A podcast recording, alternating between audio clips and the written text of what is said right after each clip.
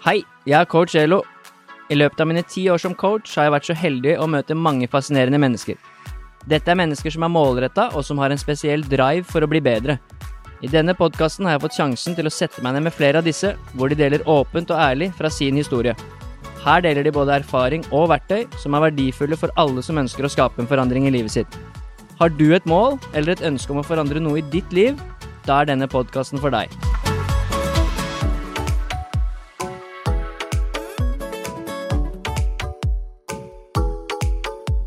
Hei og velkommen til en ny episode av Coach Elo med gjester. I dag så har jeg med en kar eh, som har betydd mye for meg. Eh, det gjør han for så vidt enda, men eh, han var veldig viktig i starten av min karriere som eh, personlig trener. Eh, og vi har vært eh, gode venner siden den gang, og det er faktisk nå over ti år siden. Så Mm det begynner å bli en stund. Eh, så i dag skal vi gå gjennom hans historie, og vi skal sikkert også mimre litt om ting vi har opplevd, for vi har opplevd mye sammen. Eh, I dag så driver han med mye forskjellig, og gjennom episoden så skal han fortelle om alle de forskjellige tingene han driver med. Han heter eh, Soros Yosani, så velkommen til deg, Soros.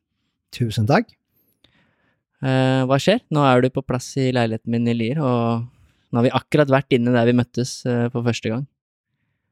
Yes, eh, vi har varit på Alexa Billingstad och vi har kört din första crossfit-ökt som du gjorde, som vi fick introducerad av Brian. Eh, 300, som dök upp i Men's Health för 10-15 år sedan. Litt i forbindelse med den 300-filmen. Yes. Ja. I dag så heter det jo Sats, da. Eh, når vi jobba der, het det Elexia Billingstad. Helt riktigt. Eh, så når jeg eh, studerte til PT helt tilbake i 2011, så søkte jeg jobb der på. Elexia Billingstad, og fikk jobb. Og den første jeg møtte når jeg kom inn på første arbeidsdag, var deg. Og jeg husker du klagde på håndtrykket mitt. det var du ikke fornøyd med. Og det husker jeg veldig godt den dag i dag. Så jeg tror aldri jeg har tatt noen i hånda igjen mm, på en slapp måte. Det, det var en rask og fin lærepenge. Og så ble jeg satt rett i resepsjonen etterpå, og så sa du at du skulle lære meg å selge PT-timer, og det, det lærte du meg ganske kjapt. Ja.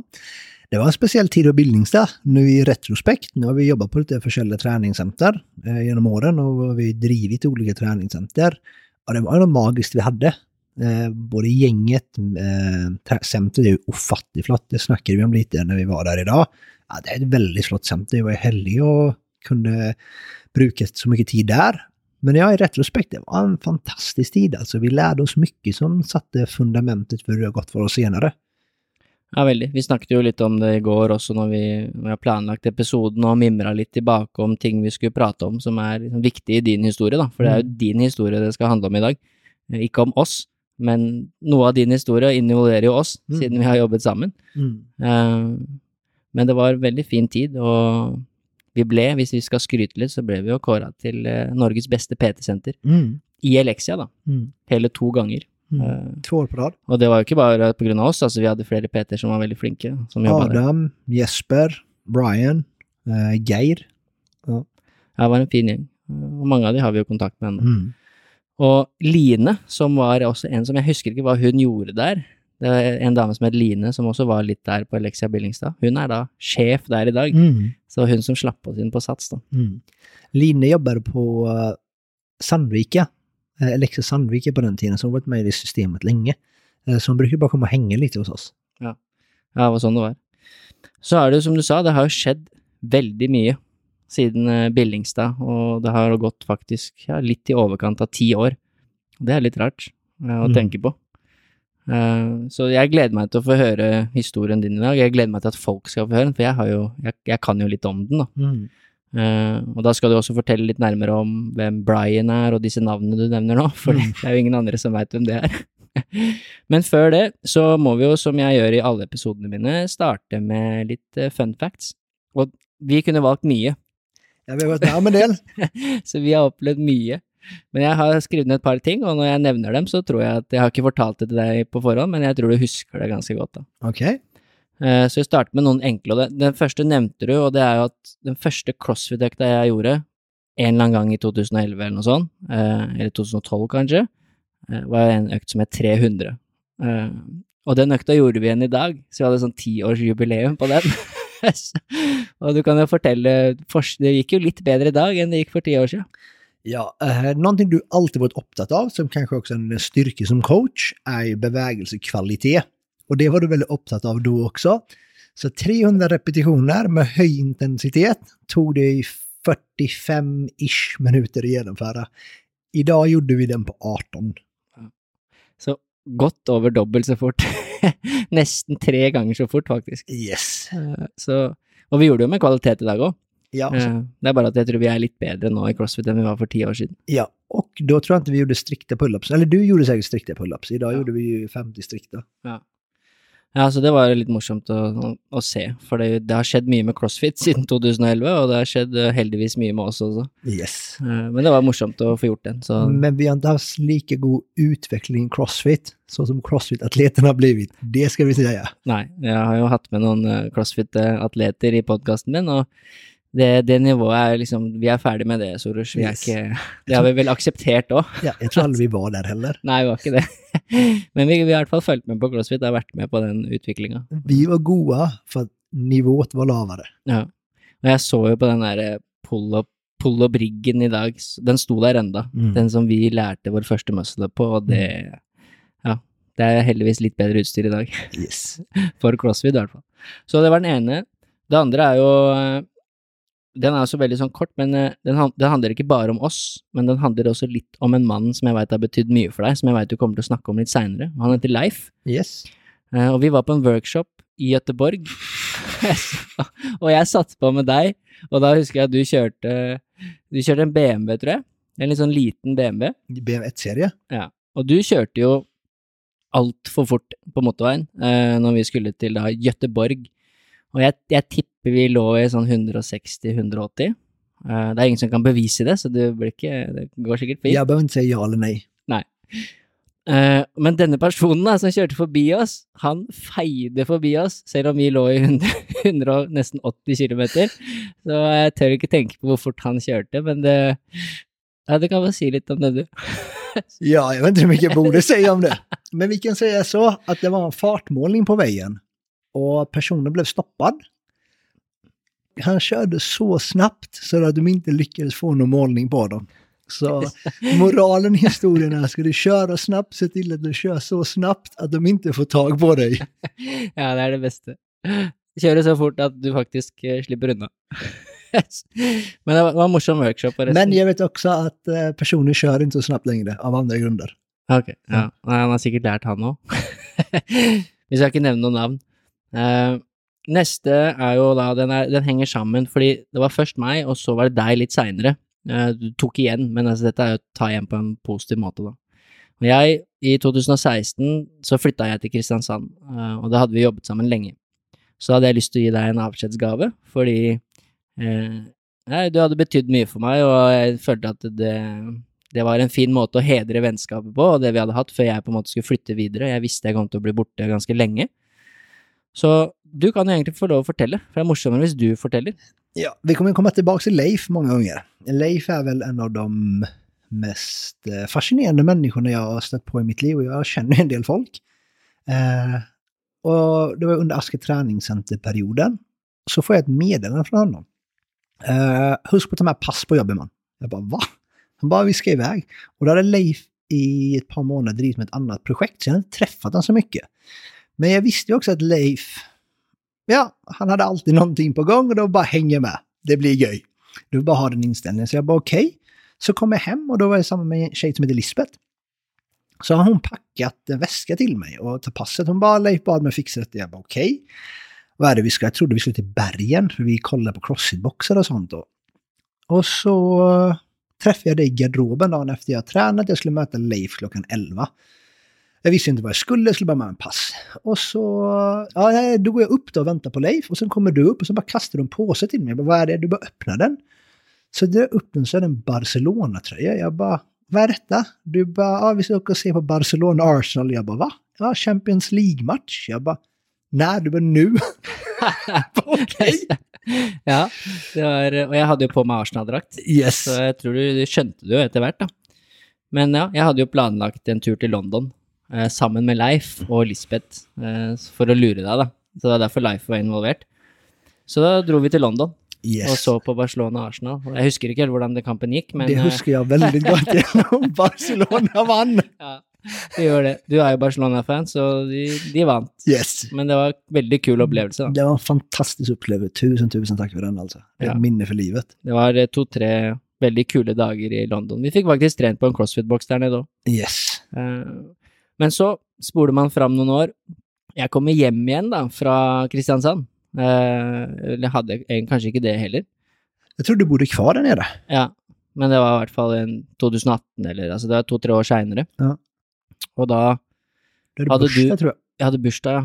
Og da hadde jo du avtalt med den hun jeg var sammen med, Jeanette, og da, da kom jeg, kan jeg fortelle, da, så får du fortelle etterpå. Mm. Men jeg kom jo på da Asker treningssenter. Uh, trente, hvis det var ikke noe annen plan, jeg skulle bare trene. Jeg og Jeanette, og så skulle vi trene med deg og noen andre. Og så har Jeanette pakka bagen min, da, uten at jeg har merka det. Hun har lagt den i bilen, og så, når vi var ferdig med å trene, så ga hun meg en bag. Og bare ja, her, vær så god, her er bagen din. Og da husker jeg sa hva, hva mener du, hva er det jeg skal med den? Jeg bare nei, du skal reise. Så jeg bare hva er det, hva er det du snakker om, jeg skal ikke reise jeg.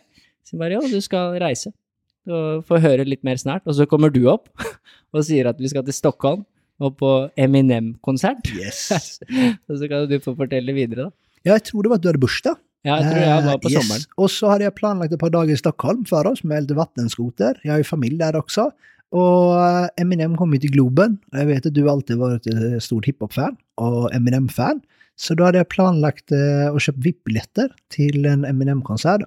Och det var en bra tur. Och sjukt mycket bra musik han har gjort alltså genom åren. Ja, det var Den konserten vil jeg aldri glemme. Jeg, har ikke, jeg er ikke den som vært på flest konserter, men jeg har vært på en del. Og det er den definitivt kuleste konserten jeg har vært på. Ja, det var ju Eh, ganska sjukt. Han ja. kom gång på gång med en ny låt. Så man bara, den här huskar jag också. Och den huskar jag också. Ja, det er Han har lagd mange sanger som jeg har hørt på. Altså, jeg har hørt på Eminem i over 20 år. Så nei, det var en sinnssykt kul opplevelse. Det var vel 70 000 på konsert, og vi hadde VIP-billetter, og det var eh, helt Om det perfekt. inte var för corona så hade det stått 2-1 till mig också. Ja, För vi planade ju och köpte biljetter för att ta med dig till Barcelona på Ja, din stämmer. 30-årsdag. når jeg ble Men, 30. yes, men corona ställde dessvärre in det. Ja. Men det er en fin greie. Vi kan godt fortsette med sånne ting. Ja, inte mig emot, livet går väl ut på att skapa minnen till syvende och sist. Ja. Det var en veldig morsom tur. Jeg husker jo også en eh, morsom episode med disse vannskuterne. Som du nevner der. Ja, Vi kan det- dela den videon om du vill, Elo. Ja, vi kan dele den videoen. Det er, kort fortalt så faller jeg jo av vannskuteren, og så var det litt dypere enn jeg trodde det var. Det var Nej, du ska gå av vannskoten. Ingen känner vad du driver med, för du bara går rätt ut i vattnet och bara sjunker rätt ner. Jeg trodde det var kanskje 40 cm dypt, men det var jo to-tre meter, så da blei jo jeg borte, egentlig. Med klær og telefon og alt som var, så det var fint, det. Men det gikk greit. det var en kul tur.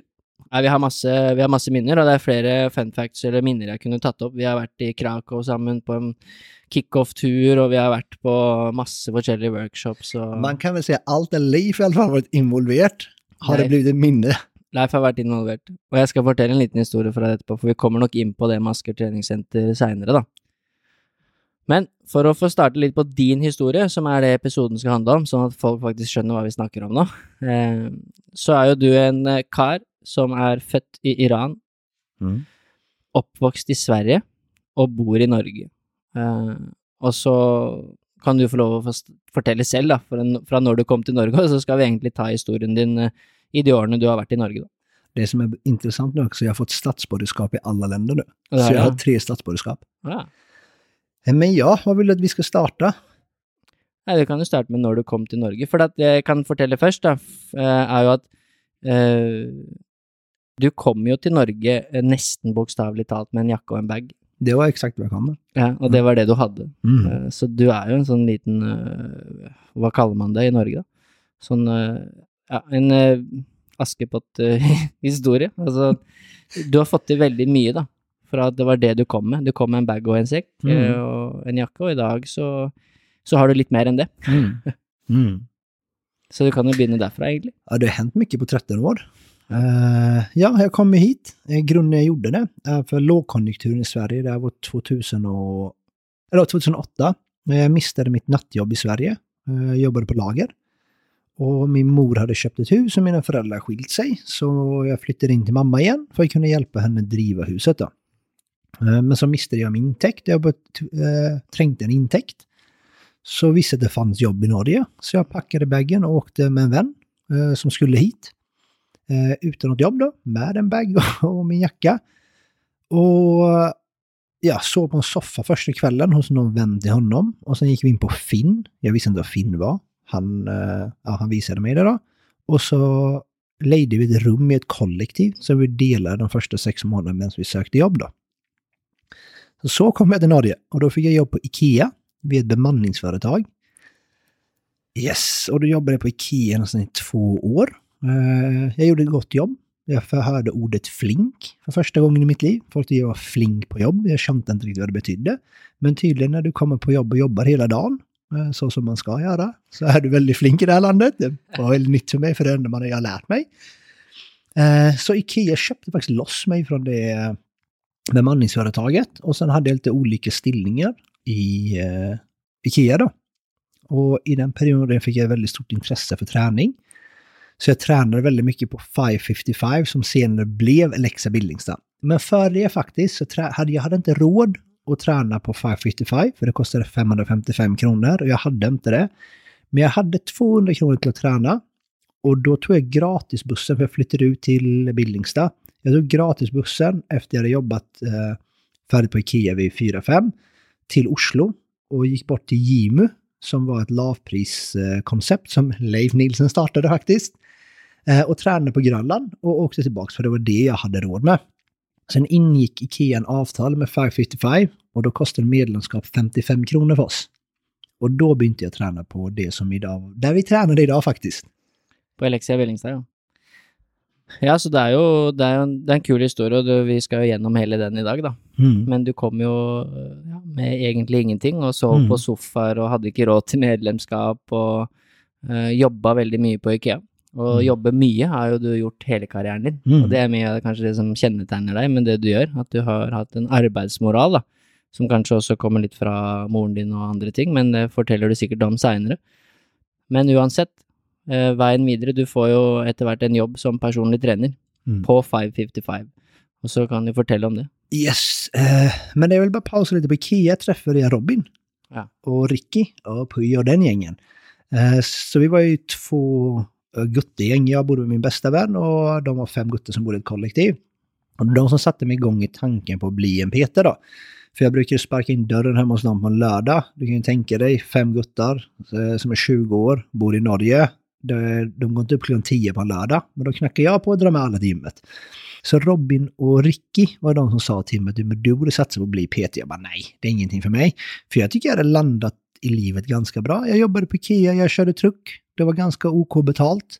Det var min framtid tänkte jag, så jag har inga planer på att bli PT förrän de satte den idén i mitt huvud då. Og Robin, som du nevner her, han er jo da en av de sjefene, eller altså grunnleggerne av ATA treningsutstyr, Mm. som dere fortsatt driver med. Mm. Eh, Så han har jo også vært med stort sett hele, på den, hele den reisen der. Ja, Robin har jag stort sett varit med på hela min resa och det är mycket tack vare honom. Eh, för vi är ju partners i allt vi gör. Eh, och det är mycket tack vare att han har låtit mig göra det jag syns är göj då och det jag tycker jag är ganska OK på. Eh, och han, han har fjärnat många uppgaver från mig så jag får vara den jag är då. Så är mycket tack vare honom. Eh, han är en av de största grundarna jag är där jag är idag. Og Robin Peiman, han skal være med i podkasten seinere. Jeg har klart å overtale han. Han er jo en unik kar. Eh, som ikke er på sosiale medier, og som ikke er så veldig lett å få noen uttalelser fra. Og han er ikke noe glad i å være i rampelyset, men jeg hatt ganske sikker på at jeg har fått overtalt han til å være med i podkasten, så det blir en ganske kul historie, tror jeg. Å endelig få han til å prate litt. Mm. Eh, Så der vil dere få høre mer om denne Robin som Sorus snakker om nå, da. Men uansett, du, du blir jo PT, Yes! eh, og du møter jo også etter hvert en som heter Brian, Mm. eh, som har betydd mye for deg, og som sikkert gjør det enda. Mm. Så hvor går eh, historien din videre, Jag fick ju, ja, jag tog en PT-utdannelse i Sverige.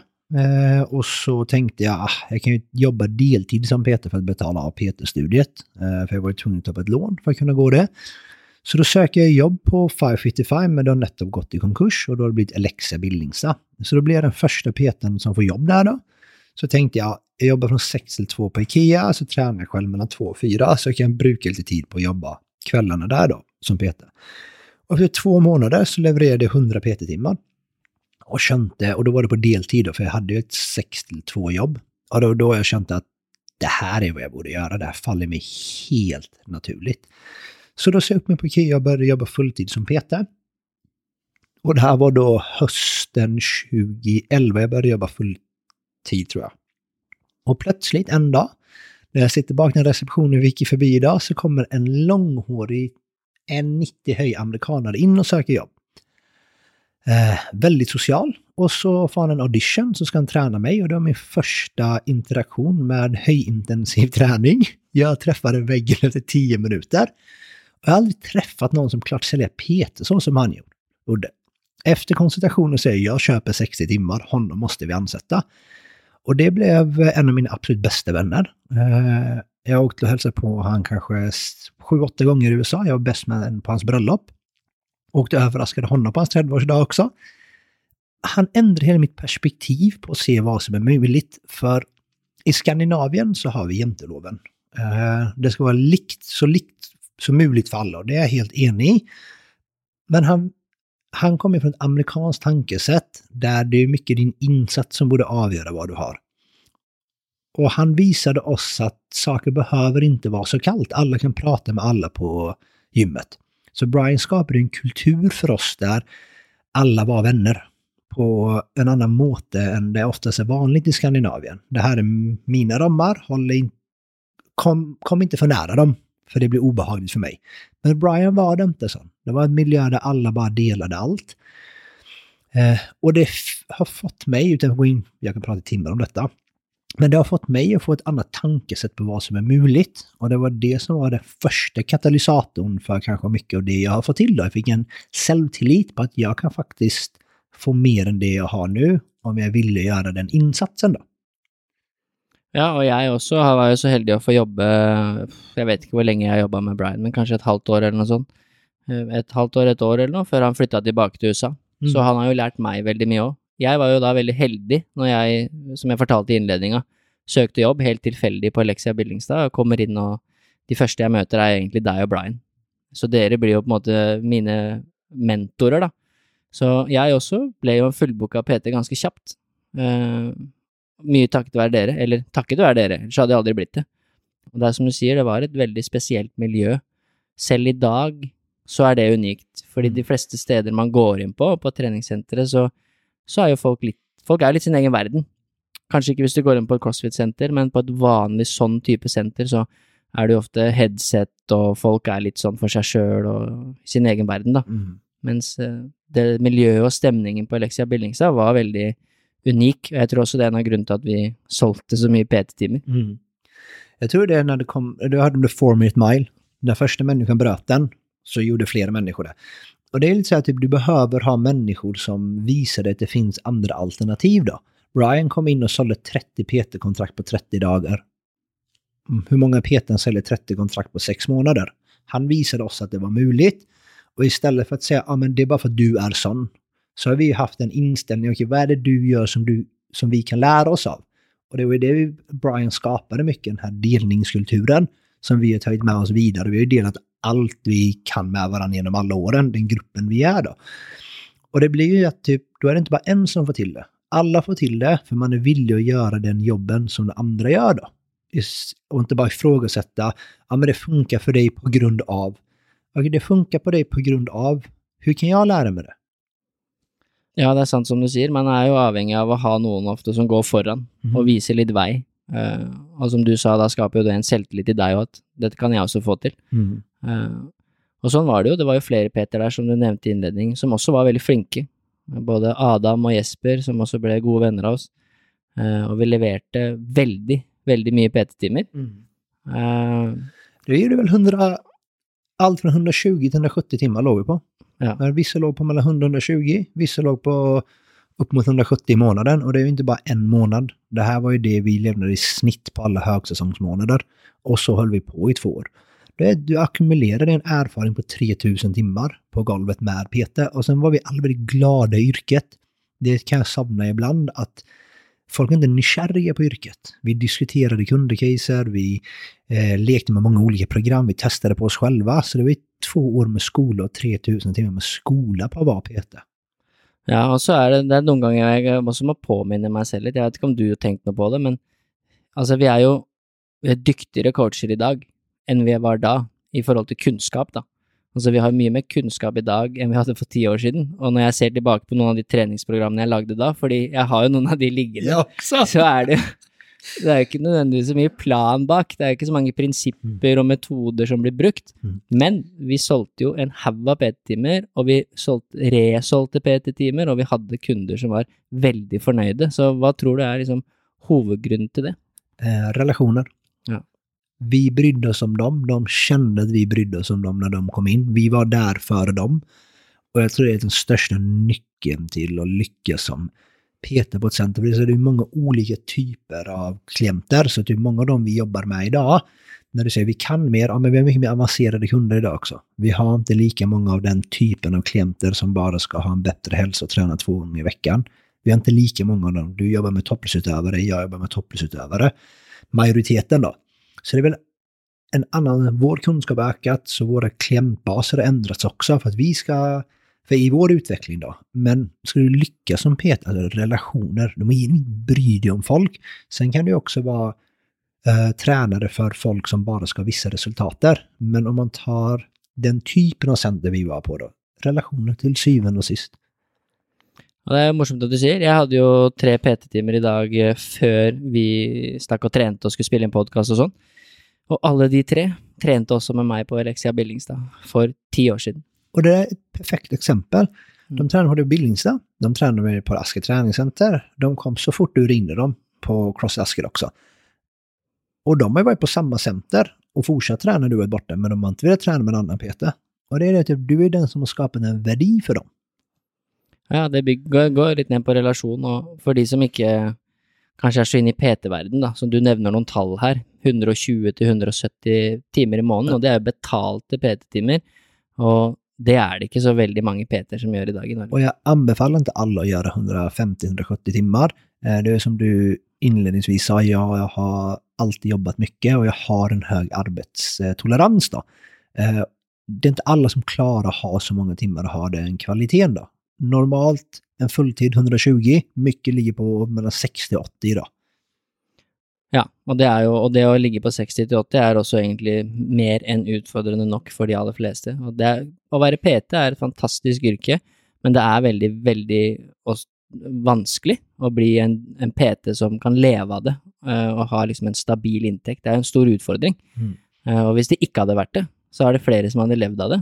Så er jo noen ganger, hvis man ser tilbake, mye av det vi gjorde var ganske unikt, og selv i Mm. dag så er jo det en høy standard. Det er jo Mm. Jag skulle inte säga vanskligt, jag tror bara det är sårbart. Ja. För folk vill inte lära sig de färdigheterna, för du säljer dig själv.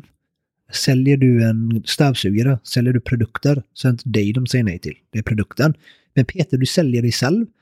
Så jag tror det är väldigt skummelt för folk, och det var det vi kom förbi där, väl liksom vi turte tillby våra tjänster då.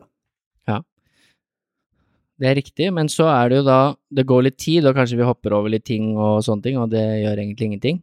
Men du starta på Alexia Billingstad som PT, gjorde veldig, veldig mange PT-timer, ble godt kjent med Brian, eh, og når vi hadde holdt på med det noen år, så skjedde det jo litt ting. Mm. Da ville man jo kanskje ha litt mer. Man begynte å se kanskje litt Skal vi utdanne oss? Skal vi lære oss nye ting? Skal vi gå på kurser? Hvordan kan vi bli enda bedre? Mm. Og da er jo ikke nødvendigvis, i hvert fall den gangen, eh, systemet til Elexia helt perfekt designa.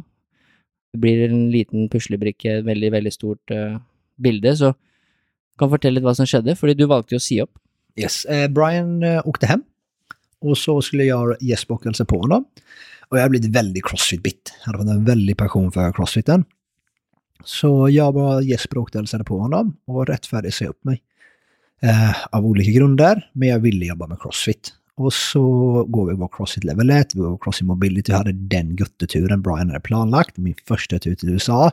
Vi kör från Arizona upp till Kalifornien, Kaliforniens kust Besökte en ny Crossfit-box varje dag, var ju helt frälst. Så kom jag hem och skulle öppna en Crossfit-box, Eh, Fick inte ekonomin att gå ihop. Så plötsligt är jag arbetsledig i två månader. Av en ren slump då så går jag förbi något som heter Aske träningscenter och jag hade inga planer att gå tillbaka till ett kommersiellt center. Jag skulle driva med Crossfit. Men man vet ju inte mer än det man vet. Och på den tiden visste inte jag att det fanns privatägda träningscenter där du faktiskt kan göra en inverkan själv. För Alexia gjorde väldigt mycket bra, Sats gör väldigt mycket bra, men det är svårt att ändra ett så stort system och, då, och de kan inte ändra sig efter tusen anställdas åsikter, det känner jag. Men på mindre center kan man göra det. Så jag går in där och söker jobb eh, som PT. Och då möter jag Jannike och får kontaktuppgiften till Leif. För jag saknade genuint att träna folk. Jag har känt eh, liksom, det genom de åren liksom att jag, det är något jag verkligen brinner för är att träna folk på en eller annan måte. Och då jagade jag ner en intervju med Leif och den intervjun var väl annorlunda än andra intervjuer vi varit på. Vi snackade idéer i två timmar.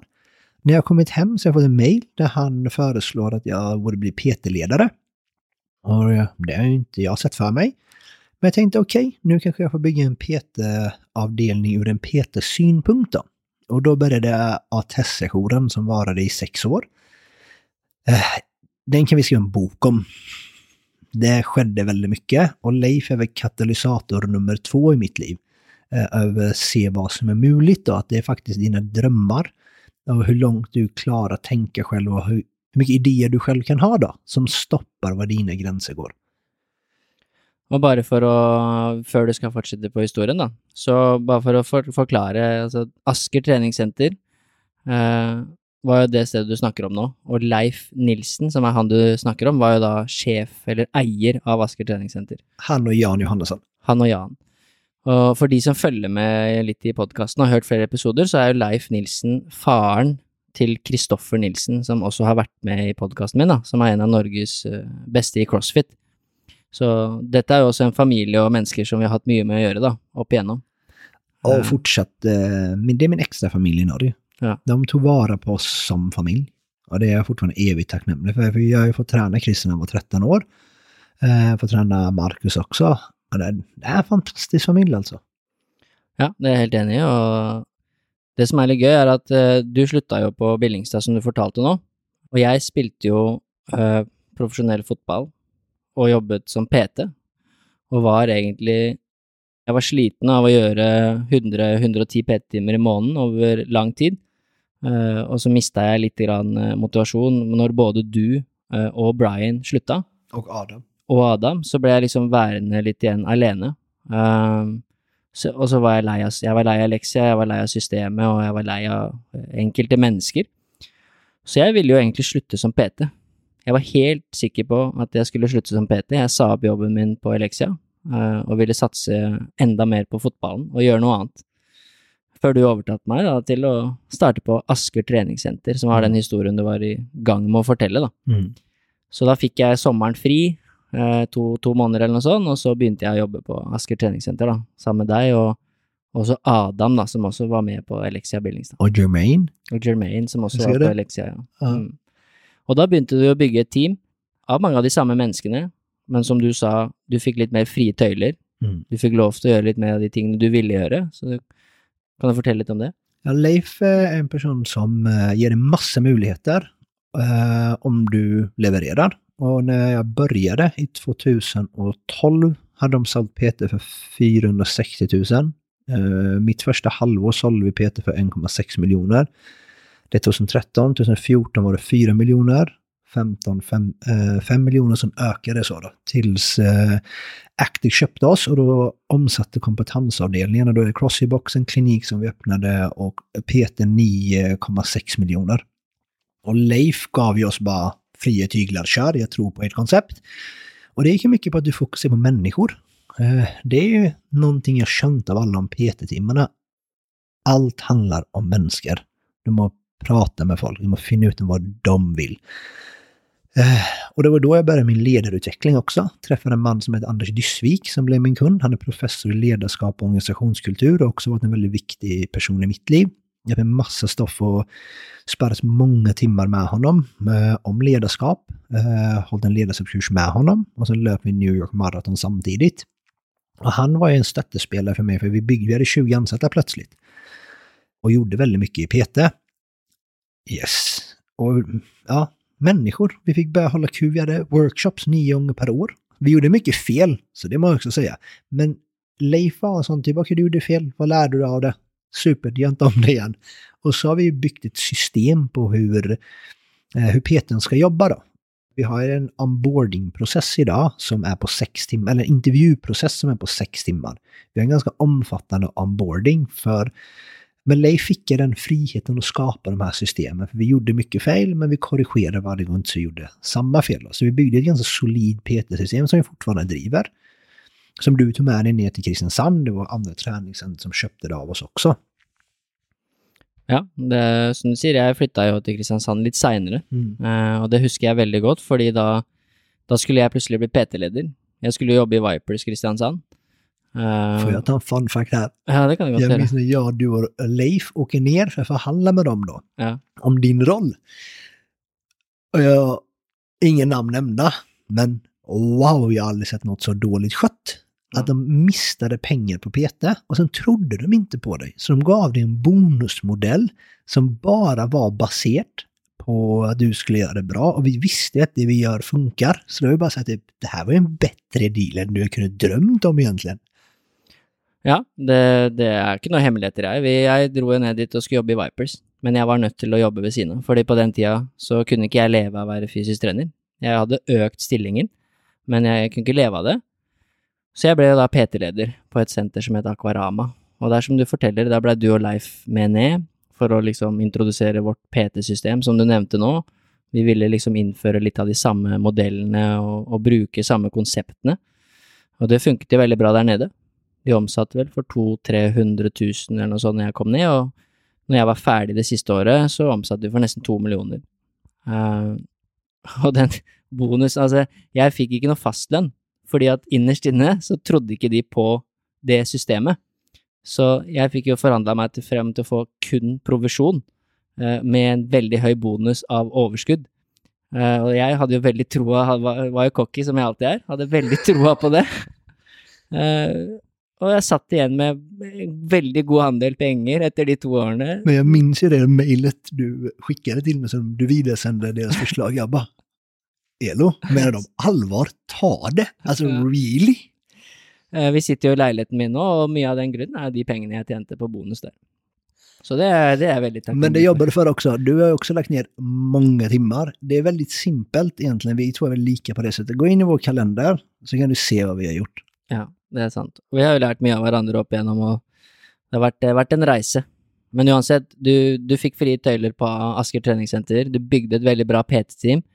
Eh, Du tok liksom alt eh, rundt med PT-virksomheten til nye høyder. Mm. Begynte å innlemme workshops, og hvordan kan vi utvikle PT-ene våre så det blir enda bedre, og ikke minst, hvordan kan vi beholde disse menneskene, da. Og mange av de jobber jo hos deg enda. Eh, Många av mina partners idag. ja, ikke sant? Og en som du nevnte i starten, så heter jo Robin, eh, som vi snakket litt om i starten. Han var også på Asker treningssenter, og det kan godt hende du forteller litt annerledes, men veldig sånn kort fortalt så husker jeg det blei populært med foamrolling, Mm. en sånn rulle. Eh, og så var disse foamrollerne både dyre og dårlige, jeg husker de sprakk opp på disse oransje, Mm. det liksom, det, vi kan ikke ha det her. Så da produserte Robin egne foamrollers, som han importerte fra Kina, når vi begynte å ha sånne foamrolling-teamer og sånn. Eh, og det veldig Knutepunkt. knutepunkt, Jag ska visa dig en bild här som dök upp på min Instagram igår, eller på min Facebook igår. en sånn minne. Yes. Eh, Ge mig bara ett sekund. Här har du den. Der kan du se, ja.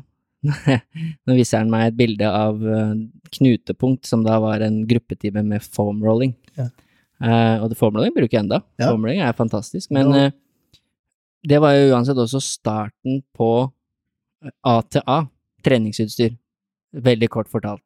Som importerer veldig mye mer enn foamrollers og lager veldig mye mer. Och det står inte för samma sak. Nei, det gjør det heller ikke. Men eh, du kan fortelle litt, for jeg tror det kommer inn her etter hvert. Hva ATA er jo et eh, punkt som du ville at vi skulle snakke om, og det Mm. også kommer litt i, i denne Asker treningssenter-perioden, da. Mm. Jag är väldigt mycket på utannonser. Jag har gått på så ofattligt många utannonser och kurser. Jag älskar att lära mig, jag är en evig student. Uh, har alltid en till fyra böcker gående. Alltid något mål om något jag önskar lära mig. Uh, och jag såg ju att det var en av mina nycklar till att jag gjorde det bra som Peter. Jag, jag går aldrig lej av jobben. För att det finns alltid någonting nytt jag prövar eller testar. Eh, då tänkte vi ha workshops och det är dyrt att skicka 15 tränare på workshops. Så jag började hålla kurser själv och jag kände att det föll mig väldigt naturligt att hålla föredrag och kurs. Så jag började sätta ihop kettlebell workshop, knutepunkt, slinge, bootcamp etc. etc. Uh, basövelser. Och folk är väldigt glada i certifieringar. Jag vet inte hur många av dina kursbevis du måste visa någon. Ikke så veldig mange, Nei, men eh, jeg har noen. Ja, folk är väldigt glada i det. Jag är inte färdig med kursen förrän jag har det här pappret. Skit om jag lärde mig något eller inte. Ja. Så då var vi tvungna att ge folk en certifiering. Och då drev vi Asker Träningscenter, så då blev det Asker Träningsakademi. ATA. Jeg. Yes. Eh, den första logon var lila och rosa, för det skulle matcha Asker Träningscenter. Och då när produkterna började komma så började vi använda ATA då. Och sen fick jag jobb på AFPT. Och mycket av det kursverksamheten vi drev med, för när jag sålde de här PT-packerna, eh, typ det här är vårt system, så ingick det två års utbildning för PT-arna också. För det är så här typ, du kan inte bara köpa en how-to, vi måste leverera och följa upp dina tränare också. Och då eh, hade jag börjat jobba på AFPT, jag kommer, det här var så avgörande samtal i mitt liv. Espen Arntzen som är en av mina absolut bästa vänner idag och varit åt en katalysator också. Så att jag är där jag är idag kom och hade en prat med mig på Aske träningscenter och sa det, det du håller på med är att skapa din egen PT-studio. Jag bara, va? Han bara, ah, du åker och utbildar andra, PT, andra center och utbildar tränare. Jag bara, ja, det slutar jag med omgående. För det är så här, han gav mig möjlighet att börja jobba på AFPT som har öppnat massa dörrar för mig som en stor passion jag har är att jobba för AFPT. Så efter den dagen så har Asker Träningsakademi inga fler kurs utbildningar. Eh, ATA Träningsutstyr heter det idag. Vi skulle inte fortsätta så mycket med kursverksamhet, det var bara det jag drev med. Eh, så träningsutstyren blev, var i fokusen. Eh, yes, så ATA håller inga utannonser efter den samtalen. Jag minns det så Og det er mye bokstaver, og AFPT er jo da Akademiet for personlige trenere, som Yes. er et av de mest kjente og, og beste stedene du kan utdanne deg som personlig trener i Norge, da. Mm. Eh, Og Espen Arntzen er jo en av sjefene der, Han är grundläggaren, grunnleggeren av det. mannen bak det. Han har forandret mange liv, og de gjør veldig mye bra for norsk helse, Herregud alltså. og utdanna mye gode trenere. Jag var ju på hans 50-årslag. Eh, och det var så många fina taler. Om hela världen har gjort hälften av det han gör för folk, så hade världen varit en väldigt bra plats alltså. Ja, han bidrar med mye. Eh, og de som hører på, hvis det er noen som kanskje tar en AFPT-utdannelse nå, altså Akademi for personlige trenere, eller skal gjøre det, så kan det jo hende at du får eh, Sorush her som eh, foreleser. Så da får du si at du har hørt podkasten. Mm. Men eh, det som er morsomt, er jo at eh, du har jo hatt mange elever, eller Mhm. studenter, eller hva Mm. du kaller det for noe. Og jeg husker du ringte meg en gang og sa at eh, Ole, jeg skal til Kristiansand, og jeg skal holde et kurs i, for AFPT for studenter på Sørlandet. Uh, hvis du vil, så kan du komme og så kan du presentere deg og si at du jobber på AKU. For da var jeg akkurat starta som PT-leder, jeg trengte nye coacher, uh, eller personlige trenere som vi kalte det. Så jeg tenkte ja, det er en kjempemulighet. Så jeg drar dit, presenterer meg, uh, forteller om hva jeg driver med og hva jeg tror på. Og samme kveld så får jeg mail av to av disse da, studentene som du hadde. Det er Hans Jørgen og Hilde. Og begge to ansatte jeg på Aquarama trening. Begge to gjorde det kjempebra som PT.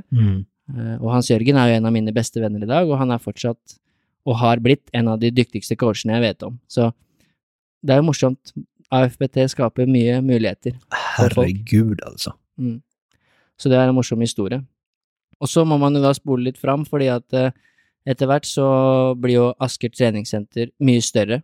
Dere bygger jo et stort treningssenter. Eh, da hadde jeg flytta, så du kan fortelle litt om det? Yes, uh, Leif är en driven man. Och han öppnar nytt center vart år. När jag började på ATS så var det två center. Vi var sex center vid tillfälle och sen landade vi på fem. Och så när Actic köpte oss så var vi tre. Eh, vi öppnade ett megacenter och då fick jag, för jag hade ju en dröm i allt detta. Jag ville öppna en crossfitbox.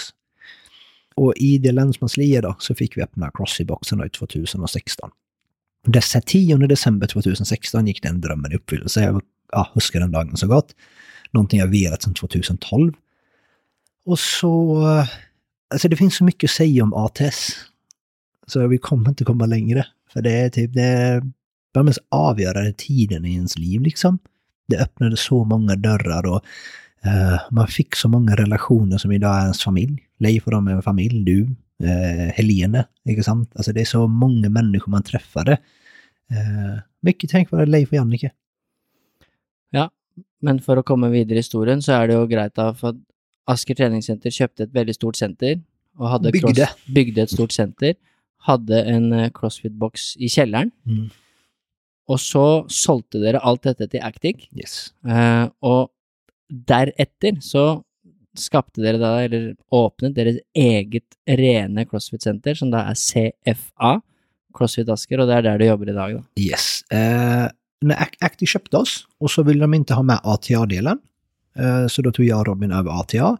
Och så, Crossfit, alltså Crossfit är ju ett eget varumärke. Ett kommersiellt center kan inte driva Crossfit. Så Crossfit är bundet till en person. Eh, så Crossfit Asken-namnet är bundet till Soro Chuzani. Så jag var bunden på att jobba på Actic i ett år efter salget. Jag var tvungen att sitta kvar. Och sen hade jag en klausul Eh, att jag inte fick driva med träningsverksamhet i Asker och Bärum i ett år efter. När den gick ut så flyttade vi boxen in i det vi anser var våra drömlokaler. För jag och Robin har alltid snackat om det, för vi jobbar ju på så, vi är ju partners, vi jobbar ju med varandra tätt. Men vi gör så vitt försäljda ting. Inte sant? Han har ju byggt upp eh, ATA, han får ju berätta det i podcasten. Och jag är mer, jag är mycket mer människoorienterad än produktorienterad då. Och då har vi CFA och det jag gör på ATA med människorna. Så vi har alltid snackat om det. Om en dröm hade varit att ha ATA och CFA vägg i vägg, så vi har fälleskontorer. Och så hittade vi de här lokalerna på Vakås. Och nu fick vi ju det. Så när konkurrensklassen gick ut så fick vi både lager och ATA och CFA som blir ATA showroom då. Så då kunde vi slå ihop det. Och för de som inte har varit på CrossFit Asker så är det en väldigt, väldigt kul eh, CrossFit-box.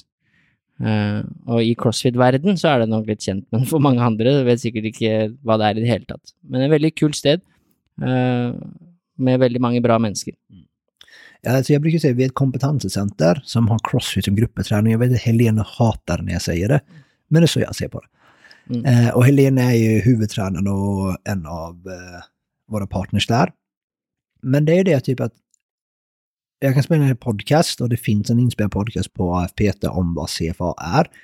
Men gruppträning för folk samman och crossfit kräver mycket kompetens om väcklyftning, om tun, om kondition, om mobilitet etc. etc, etc.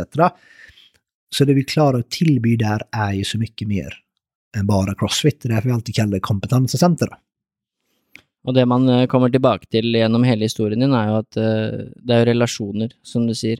Och väldigt många av dessa människorna som jag har fått goda relationer med är ju fortsatt involverat i Mm. miljöet på en eller annan måte. Så om man kanske inte jobbar direkt tillsammans Mm. så samarbetar man och man bidrar här och där. Och, Man har genuint intresse. Man har genuint...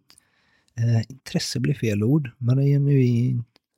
Eller man är genuin för att de andra ska lyckas. Kommer du med en idé till mig så blir jag glad för att du lyckas. Jag tror ingen av oss är jalu på varandra eller missunnar det, för vi har jobbat med varandra i så många år och vi vet att ingenting som har hänt någon av de här människorna är av slump.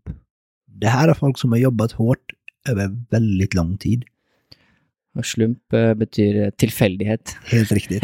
Det är inte tillfälligt. då. Och, det, och vi, ja, vi försöker ju lyfta varandra och skapa möjligheter för varandra. Men uansett, eh, du är ju en man som är eh, flink till att prata och för alla som känner dig så är du ju flink till att sätta ting i system och snacka om teorier och snacka om alla ting du har läst och allt du har lärt dig, alla kurser du har gått. Men det är uansett intressant alltid, syns jag i alla fall, de senare åren och det är därför jag har lagt podcasten. Vem är egentligen du? Och var är det du kommer från? Ja. Eh, och du har ju, som alla andra, en historia med dig och ting i bagagen. Och du nevnte jo dette i innledningen, at du er født i Iran, du har foreldre som er derfra, du er oppvokst i Sverige, du har flytta til Norge, eh, og du har vært gjennom en del ting. Så jeg vet at du har skrevet ned et punkt som eh, Jeg har lagd bare mor og bror, og jeg kjenner jo brødrene dine også. Mm. Har møtt begge to, Uh, når vi var i Stockholm og hørte på Eminem, så bodde vi hos din bror, Mm. Sohail. Og disse menneskene selvfølgelig har jo også hatt veldig mye å si da, for din historie.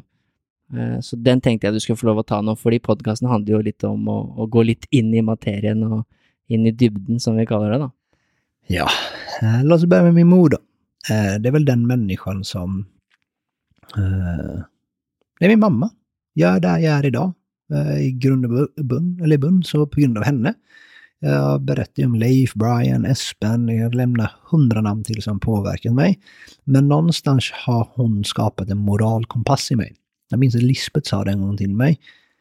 Du vet att du tar val utifrån vad som hade gjort din mor stolt över dig. Jag bara wow, det visste jag inte. Och det är en människa som älskar mig mest. Och min mamma är kanske den mest osjälviska människan jag någon gång har varit borta i. Så om jag tar val som gör henne stolt så kanske jag hamnar på ganska bra steg i livet. Har jag reflekterat till i senare tid då. För hon vill ju mig bara gott. Och den kvinnan har levt med en alkoholiserad far. Eh, hon är en högt utdannad dame som är eh, äldst av sex syskon som vid 32 års ålder flyttade till ett nytt land, lärde sig ett nytt språk, utbildningen var inte värd någonting. Tre söner, och åt en alkoholiserad man då. Eh, jag har aldrig hört henne klaga. Jag har all, hon har aldrig haft en psykdag. Hon har gjort det bästa hon har kunnat utifrån sina förutsättningar. Eh, även om hon ju varit borta från hennes familj. Och för, för henne som är uppväxt på den måten där familj är allt och du är med dem hela tiden, lever i den isolationen, men aldrig hört henne klaga. Det har gett mig vissa perspektiv i livet då. Om typ hur bra jag faktiskt har det. Jag har varit i Iran ett par gånger med henne och jag ser vad hon har lämnat för oss. Och vi har ju burp rules i boxen, 10 regler. Och jag, när mamma fyllde 65 för några år sedan så skrev jag 10 ting mamma lärt mig. Sex av dem var burpee, delar av burp rules insåg jag. Så det är mycket, det är typ hur du uppför dig som människa. Eh, karaktär, integritet. Eh, det är någonting som har fått mig att komma väldigt fram i livet. Jag har känt att folk stolar på mitt ord. Jag är en människa som faktiskt håller mitt ord. En av mina grundläggande värderingar är jag är alltid ärlig. Även om det inte är lätt att vara i samma rum som mig alltid för att jag säger saker som jag uppfattar dem. Så gör jag det med goda intentioner. Och det har jag lärt från henne. Om att typ, du måste törra vara ärlig och finn inte på saker. Ljug inte. Eh, ah, integritet återigen då. Och det är min mamma i ett nötskal. Jag har mött moren din eh, några gånger också. eh, ska berätta en historia snart, men jag, jag huskar du sa att mig en gång, jag huskar inte vilken sammanhang, vi har jo hatt eh, uendelig mange samtaler og Mm. diskusjoner og alt mulig opp igjennom. Jeg husker en gang du sa til meg at liksom familien din i Iran, når du har vært her, altså, de ser ikke på verden sånn som jeg gjør, eller sånn som vi gjør. Altså, de er fra en annen verden, fra en annen kultur. De forstår bare ikke det samme som vi. Altså, de ser Mm. ikke det samme som oss. Eh, Så hvordan har det vært, og hvordan er det for deg at store deler av din familie er så annerledes fra deg i synet på livet? For nå har jeg vært i Romania et halvt år, eh, og ikke at det er som Iran, men jeg har opplevd at liksom, det er deler av verden som de ser helt annerledes på ting enn det vi gjør i Norge, eh, og det kan være veldig utfordrende. I hvert fall for meg som måtte jobbe i det. Men, men hvordan har det vært for deg, og hvordan er det? Väldigt fint spørsmål, syns jag. Eh, jag har ju fått, heldig å få åka till Iran när jag var 15, 23 och 26. Så jag fick åka med mellanrum, jag var där upp till fem veckor som mest då. Och sen har jag fått chansen att resa. Jag var i, i Filippinerna, hamnade, hamnade på ett eh, barnhem för unga tjejer. Jag har fått vara mycket hos Brian. Jag har rest till kanske 30 länder de sista 10 åren. Och det jag har lärt mig av allt är att typ ingen ser världen så som du ser den. Och att acceptera att så är det för dem. Och det sätter ju perspektiv över hur man kanske tacklar saker i livet. Som nu när du kommer hem från Romania så sätter du väldigt mycket mer pris på livet här. För att du vet hur det kunde varit. Och vi i Skandinavien är så få, så liten procent av världen. Det är så här typ, jo vi kanske tycker kineser är konstiga men de är över en miljard människor. Vi är fem miljoner, vem är det som är rar här? De är majoriteten. I Iran bor det 80 miljoner människor. Deras verklighet är ju så som världen ser ut. För dem. Och det, till svar på ditt spörsmål, det har bara gett mig perspektiv på hur heldig man är för att få bo i Skandinavien då. Och det kan ta oss in på det med mina bröder, hur det har påverkat mig. Jag har två stora bröder. Eh, båda har slitit med missbruk. Min äldsta bror speciellt som eh, var yrkeskriminell och missbrukare i många år. Han är åtta år äldre än mig. Eh, så vi... Miss, missbrukare betyder nar, alltså, Narkoman. narkoman. Ja. Narkoman och yrkeskriminell. När jag var 16 år, Eh, då var han 24. Så sitter han framför mig och tar en spruta heroin och somnar. Det, det sätter sina spår. Det har varit min stora rollmodell i livet. Eh, när det är sagt så går ju allt bra med honom idag. Det här var många år sedan. Eh, han har varit eh, drogfri i över 15-16 år, har två fantastiska barn. Men det har också gett mig perspektiv. Så eh, det har kanske gjort mig väldigt eh, resiliens då, om du vet vad det ordet betyder, emotionellt flexibel. Jag har haft väldigt många mörka nätter i mitt liv och mörka dagar. Mycket med min mor, eh, jag har sett vad min mor har gått igenom på nära håll, för jag var yngst och var mest med henne. Jag har sett hur min bror har påverkat henne, jag har sett det vad min bror har gått igenom. Det med min far. Så jag kanske tackla motgång bättre än många andra. Och det kan folk tycka som man är kall eller empatilös nästan. Men det handlar ju om perspektiv. Det är som Tänk på en marklyft, eller om dina lyssnare förstår den metaforen. Det är väldigt tungt med marklyft på 100 kilo. Om du aldrig lyfter marklyft, om du inte är stark. Men om du har tränat systematiskt i 10 år, så kanske du klarar av 200 kilo. Det är för att du har blivit resident mot den vikten. Att du har byggt upp en kapacitet och tålighet. Och det tror jag typ hela min uppväxt gjorde. Jag växte upp med väldigt mycket kärlek jag blev väldigt trygg i mig själv och min relation till folk. Jag stolar väldigt mycket på folk. Men samtidigt har jag fått vara med om en del i livet. Eller jag har sett mycket då. Och det har gjort mig eh, både trygg på att jag tör ta utfödringar, jag tör kasta mig ut i saker och jag, ett nej är inte så farligt. Att saker inte går som jag hade tänkt, det går fint. För det kunde varit värre med tanke på det jag ser, hur, jag har sett hur folk lever runt om i världen, hur jag kunde levt om min mamma aldrig valt att komma till Sverige. Eh, eh, vad som kunde hänt med mina bröder. Hur min mamma stod ut med min pappa i 30 år. Man får andra referenspunkter om man tycker bra och dåligt är. Då. Ja, det är sant. Och Sohail, eh, som är din, eh, där, han är äldst. Han är din äldste bror. Det var ju där vi var och bodde när vi var i Stockholm. Jag har mött honom i flera anledningar. Jag minns när vi var i Stockholm så hade jag några fina samtal med Sohail. Och den ena var när vi körde vannskuter. För vi körde ganska roligt, vi skulle långt och jag satt, vi satt två på en. Uh, og da hadde jeg en veldig fin samtale med han, og han fortalte jo ikke om alle disse tingene her, men han fortalte om at ting har ikke alltid vært enkelt, da. Uh, ja, han är absolut en av mina rollemodeller, vad han har klarat att ta sig ur och, och vad han lyckas bygga upp eftertid. Så selvfølgelig har dine brødre betydd mye for deg, sånn er det jo for de fleste. Det betyder veldig mye idag alltså. Ja. Og vi kommer kanskje litt tilbake på det etterpå. Jeg vil bare fortelle en lille historien om moren din, fordi du nevnte jo henne.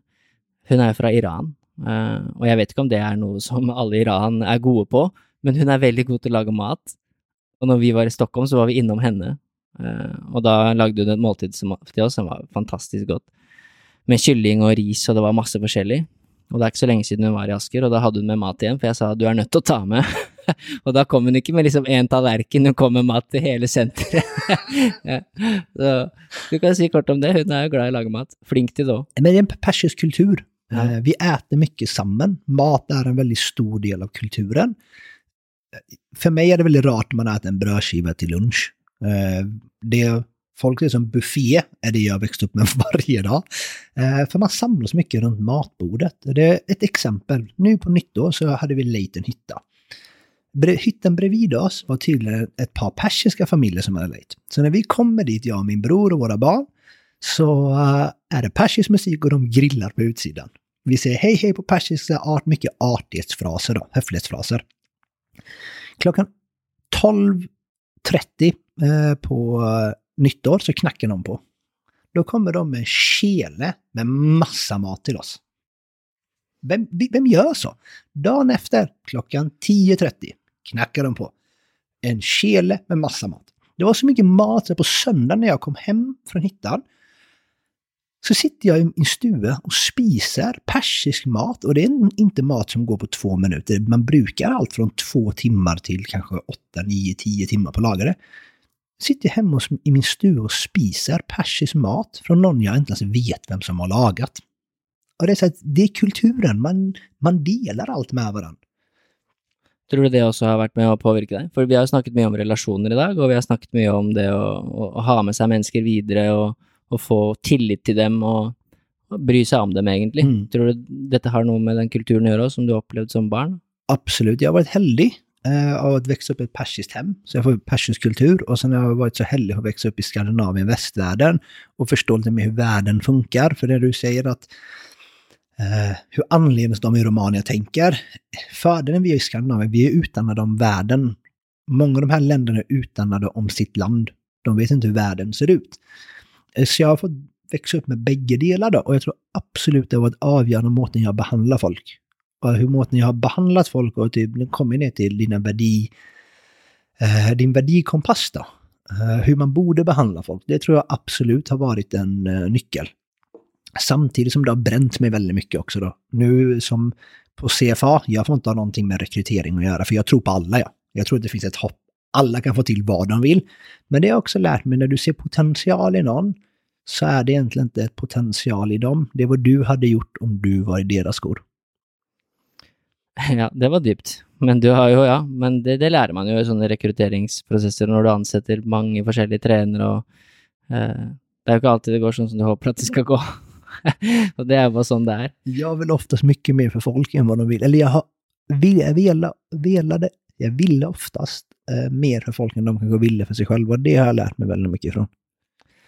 Eh, Vi hadde en gang eh, en workshop, og det tror jeg var på Asker treningssenter, med en som heter Dan John.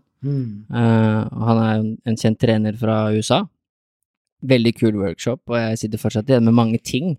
Eh, noen av de tingene som vi lærte der, eh, bruker jeg fortsatt. Og en av de bruker jeg uten at jeg visste om det. Pirate Maps? Pirate Maps, ja. Eh, og Shark Habits.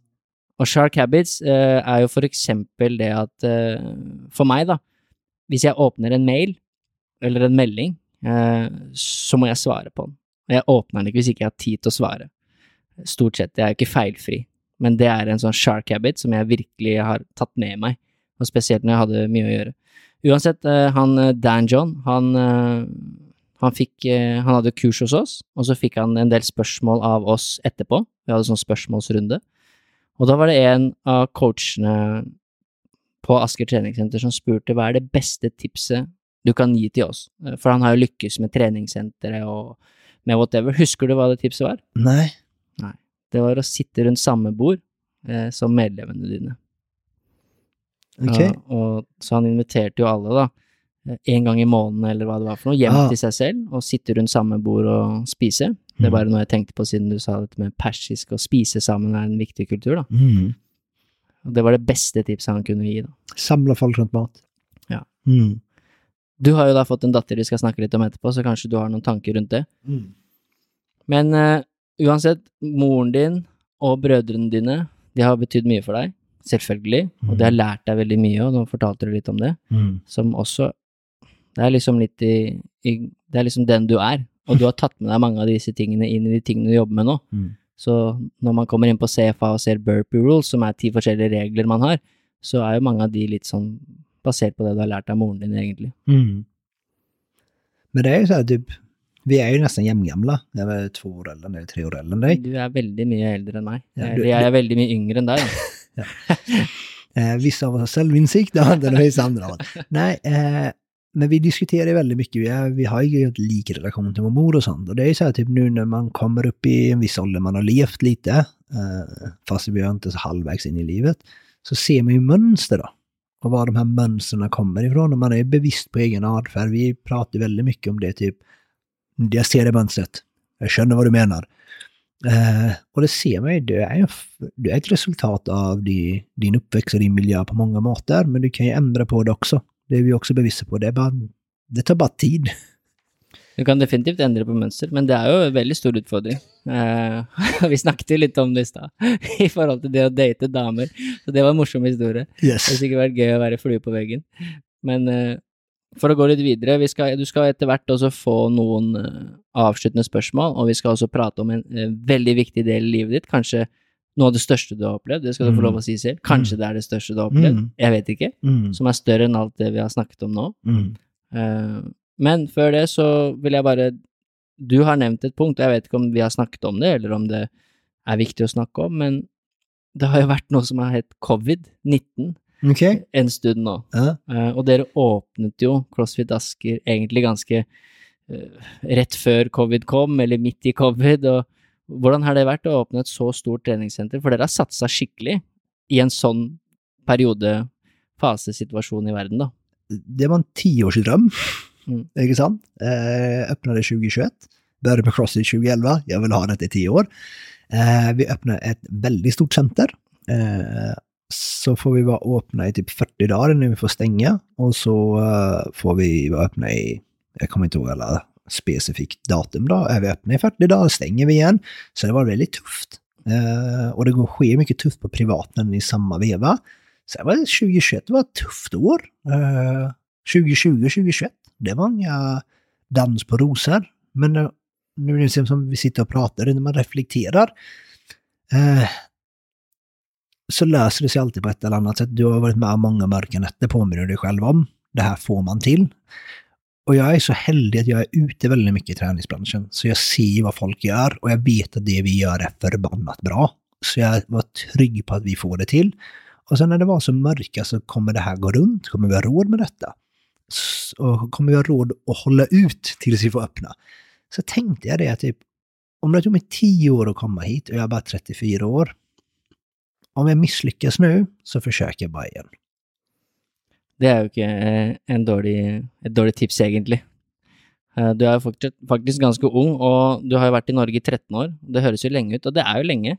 Men som du sier, du er, du er ikke halvveis i livet ditt engang, og du er bare 34 år, så du skal jobbe i sikkert 30-40 år till. Jag tror aldrig jag kommer pensionera mig. Det är skillnad att bli pensionist och pensionera sig. Jag tror att människor i generellt behöver någonting att stå upp för. Och jag tror att det yrket vi har ger oss väldigt mycket mening av att bara... Du kommer alltid behöva någon som behöver tips om kost, eller någon som har gått av att bygga lite muskler, eller någon som vill lära sig lite vektlyftning. Jag ser mig själv som pensionist i ett varmt land med en crossfit-box som är ideell, typ. Det er det jeg sier, så at vi skal, ha, vi skal være litt pensjonister. Det, vi skal reise kanskje litt mer, være på litt varmere steder. Vi blir pensionister per definition vid 67, men vi kommer inte pensionera oss. Nei. Det är så här, vi kommer gå upp och throw a bar barbell around liksom. Ja, det kan nok hende. Men kan varmere der enn det er akkurat her nå. Är ni det? Men eh, noe vi skal snakke om, eh, som er vært kanskje det viktigste som har skjedd i livet ditt, og som har vært veldig gøy å bevitne, det har jo vært eh, vanskelig, og vi skal ikke snakke så mye om eh, de tingene, Mm. men det har vært veldig gøy å se deg bli far, Mhm, eh, for det har du blitt for første gang. mhm. Og jeg er jo fortsatt ikke det. Men det har jo begynt å komme en del unger nå rundt alle disse navnene du har nevnt.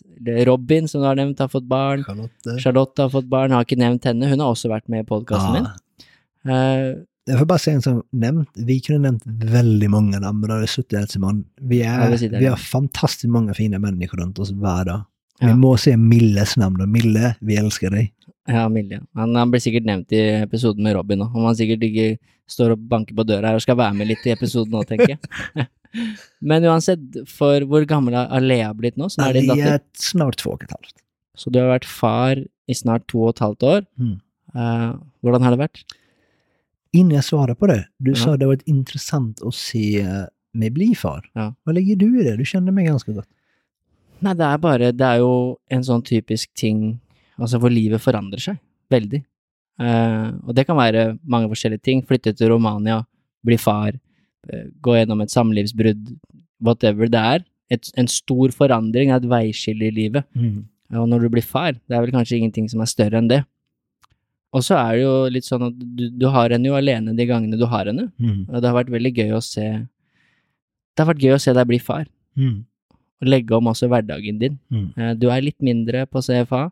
Du har noen dager du nesten ikke er der, Mm. eh, fordi at du er med datteren din. Mm. Eh, Det er bare det er, det er kanskje det viktigste i ditt liv nå. Det er en Mm. annen fase Mm. enn for eksempel første gang jeg møtte deg. Så Mm. jobbet du 170 PT-timer i måneden. Og du var på jobb fra seks om morgenen til ti på kvelden. Eh, Livet ditt er ganske annerledes nå Mm.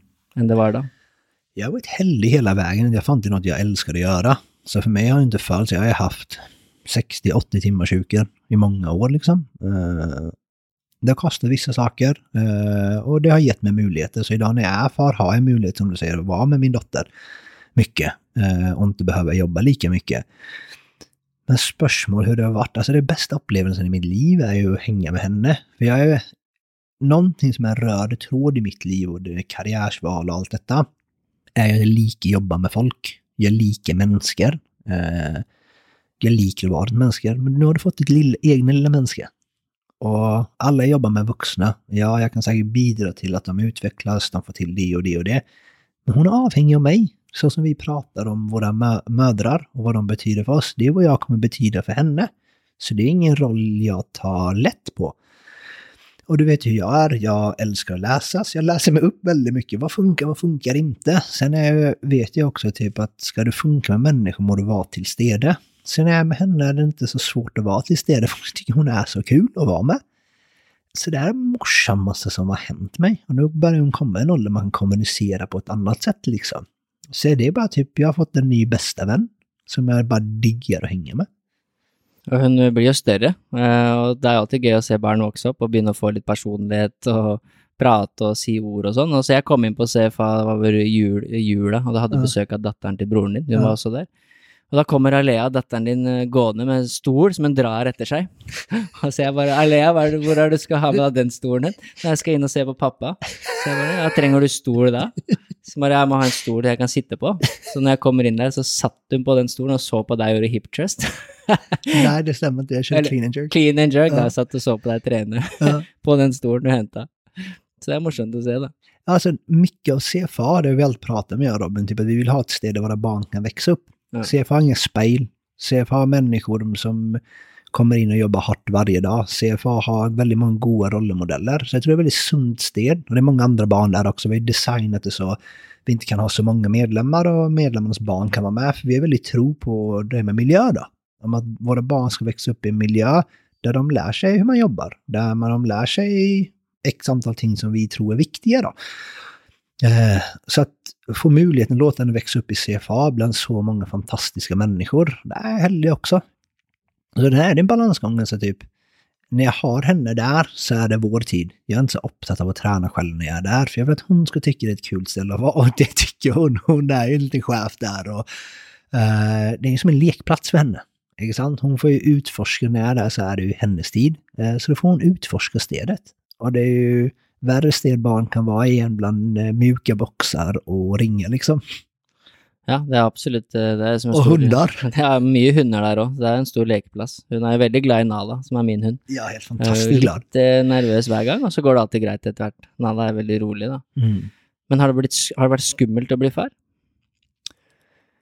Ja, en period, men det har andra grunder. Man följde mig väldigt naturligt. De som har varit nära mig har ju sagt det, typ, det föll mig väl naturligt. Jag har jobbat mycket. Ja, men plötsligt så gick jag hem fyra. Det var inte svårt för jag ville hem till henne.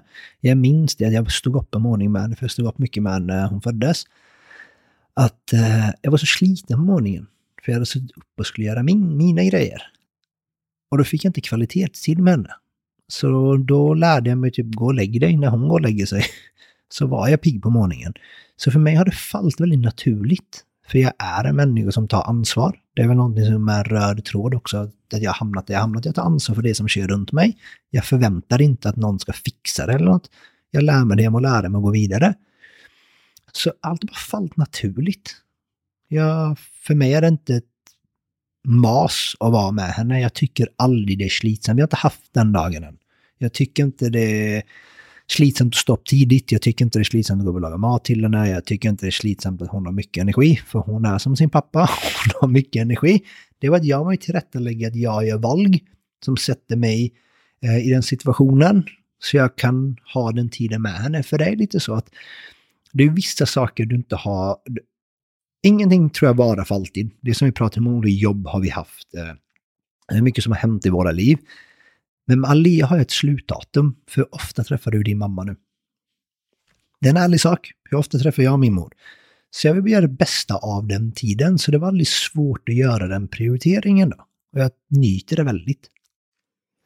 Ja, intressant. Det har ingenting med saken att göra, men nu är jag, vi börjar jo faktisk bli så gamla att våra föräldrar börjar bli väldigt gamla. Eh, I varje fall mina eh, börjar begynner närma nærme seg så jag är ju faktiskt på ett stadium där jag nu har lyst til å være i nærheten av familien igjen. Eh, Jeg har jo vært borte mer eller mindre i fem-seks år, Mm. og vært veldig lite, som er naturlig. Du må jo forlate redet og gjøre dine ting og oppleve verden. Mm. Mens nå, for meg, er det første gang i livet jeg liksom føler at ok, nå, nå er det ålreit å være i nærheten igjen av Mm. familien, da. Mm. Hvordan er det for deg? For moren din har jo flytta til Iran. Ja, mamma gick i pension och flyttade till Iran för två år sedan. Det är nytt. Jag har börjat fira jul. Jag har två julaftnar utan mamma. Det är rart. Eh, men återigen, hon är väl osälvisk människa, så hon har åkt till Iran halvåret för att vara med sin mor som är på sina sista år. Och sen när hon kommer hit så får vi mer kvalitetstid, för hon är här halvåret och bor hon hos mig. Eh, du vet ju jag, jag tror på forskning. Eh, och det är väldigt tydlig korrelation med att barn som får växa upp med bästeföräldrar får en tryggare barndom och bästeföräldrarna blir äldre. Så att Alia och min mamma får mycket tid tillsammans när hon kommer. Awesome. Så jag är heldig på det sättet också.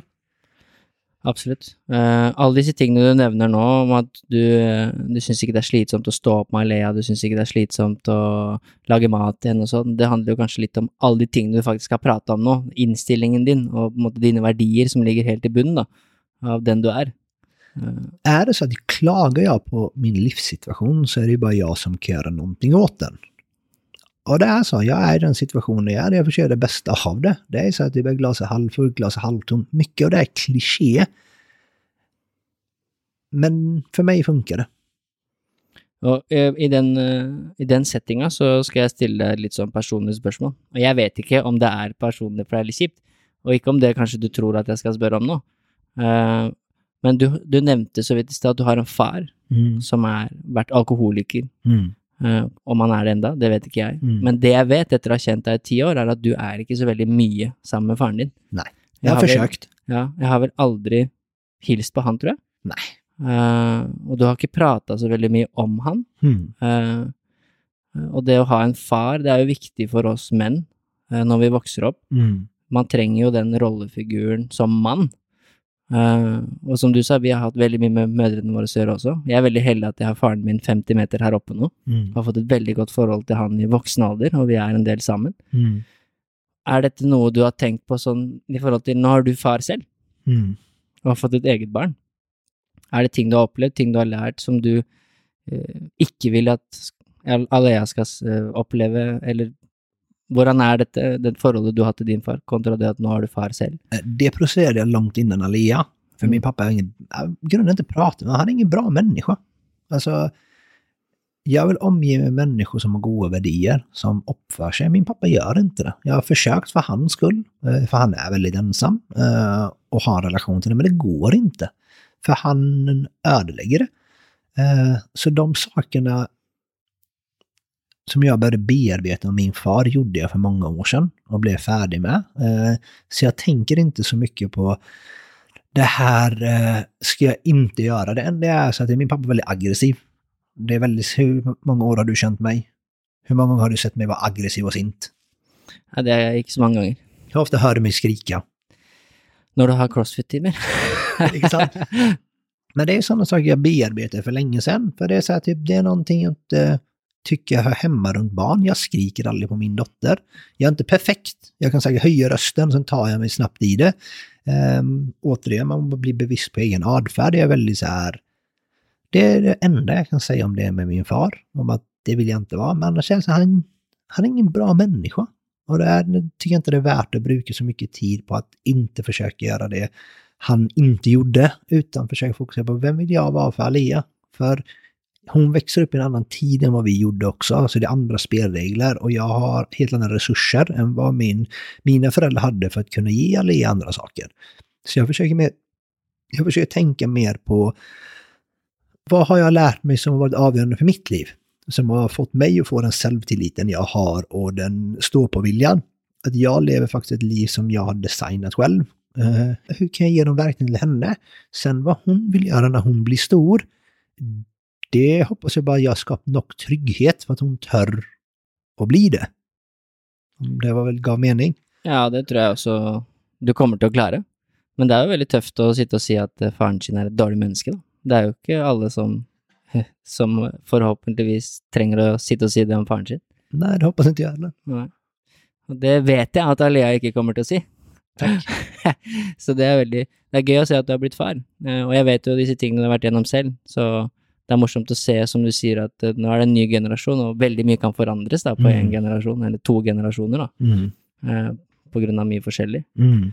Eh, Men hva er veien videre for deg nå? Hva, du har blitt far, du jobber på CFA, du jobber i ATA, du jobber i AFPT, du jobber med Nordtreff, du trener toppidrettsutøvere. Du gjør mye forskjellig. Hva er liksom din vei videre? Bra spørsmål. Eh, bare nyte livet, liksom.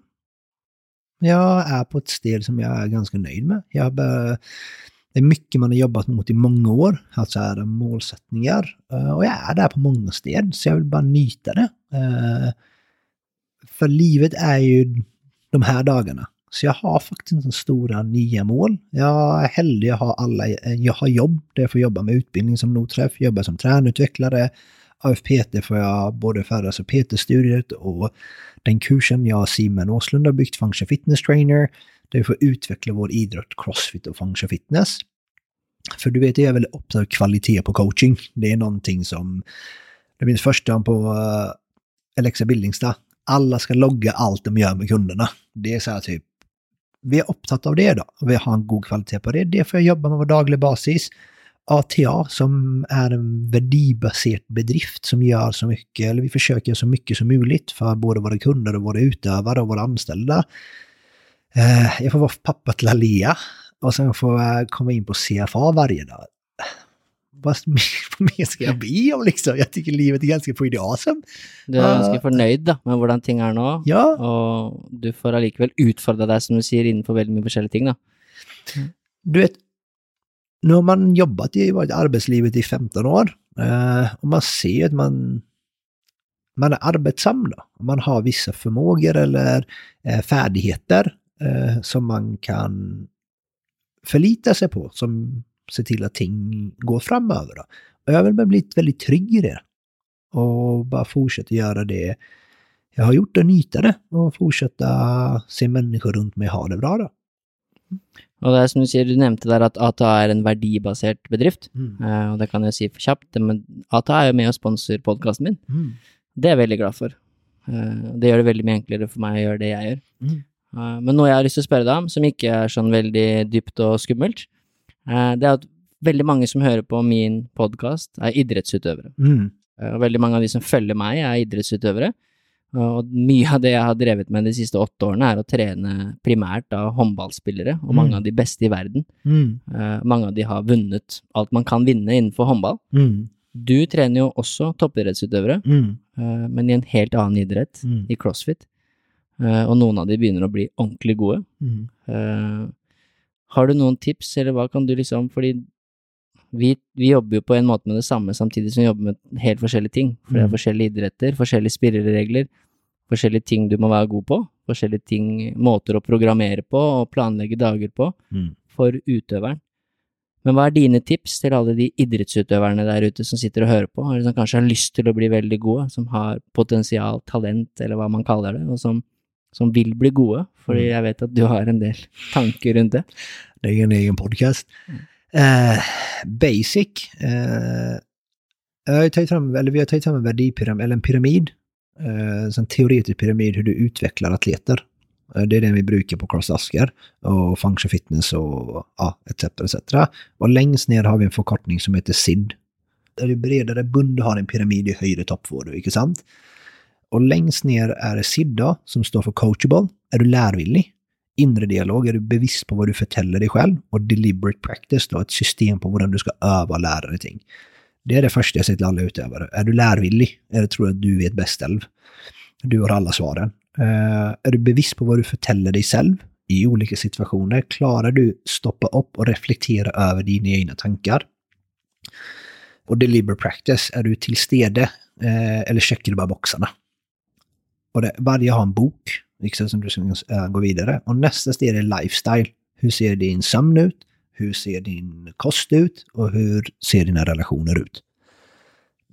Börja där. För det, något alla utövare kan är träna mycket. Men det är så mycket mer. Jag har samtal med mina utövare idag. Eh, om vi pratar alltid. Jag är väldigt tro då på att ut, uh, utveckla människet så utvecklar du allt runt mänskligt. Så se på det mer än bara idrätten då. Att du ska ta handboll, du ska bara vara bäst på att skjuta. Men vad tänker du när du skjuter? Vilka kan jag lära mig av? Vilka kan jag göra mig bättre? Att vara den här studenten då? Det är väl min första tips jag har tänkt.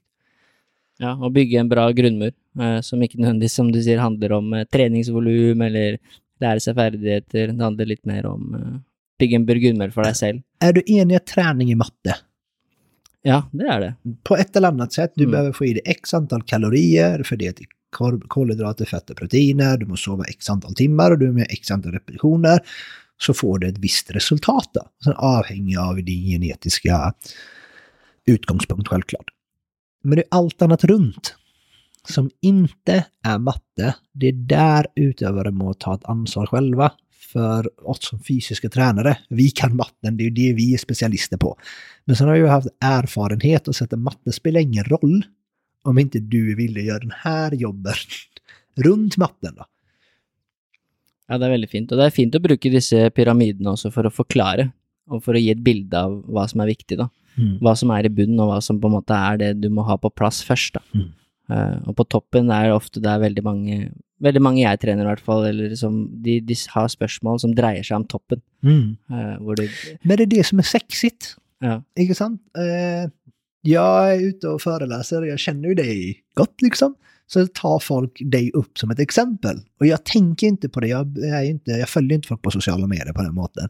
Så jag ser ju inte dig som coach Elo som har fått en följarskara. Och när folk säger, ja men jag vill bli som honom, jag bara tänker, har du något tips? Ja, jobba mycket. Jag vet ju hur det är, så, gå in i våra kalendrar och se hur många PT-timmar vi har gjort. Alltså vi har, vi har gjort jobben. Men det vill inte folk höra. Det är så här typ, hur bygger du muskler? Ja, du äter, sover, tränar. Över lång tid. Hur blir du god i någonting? Du jämtar det över lång tid.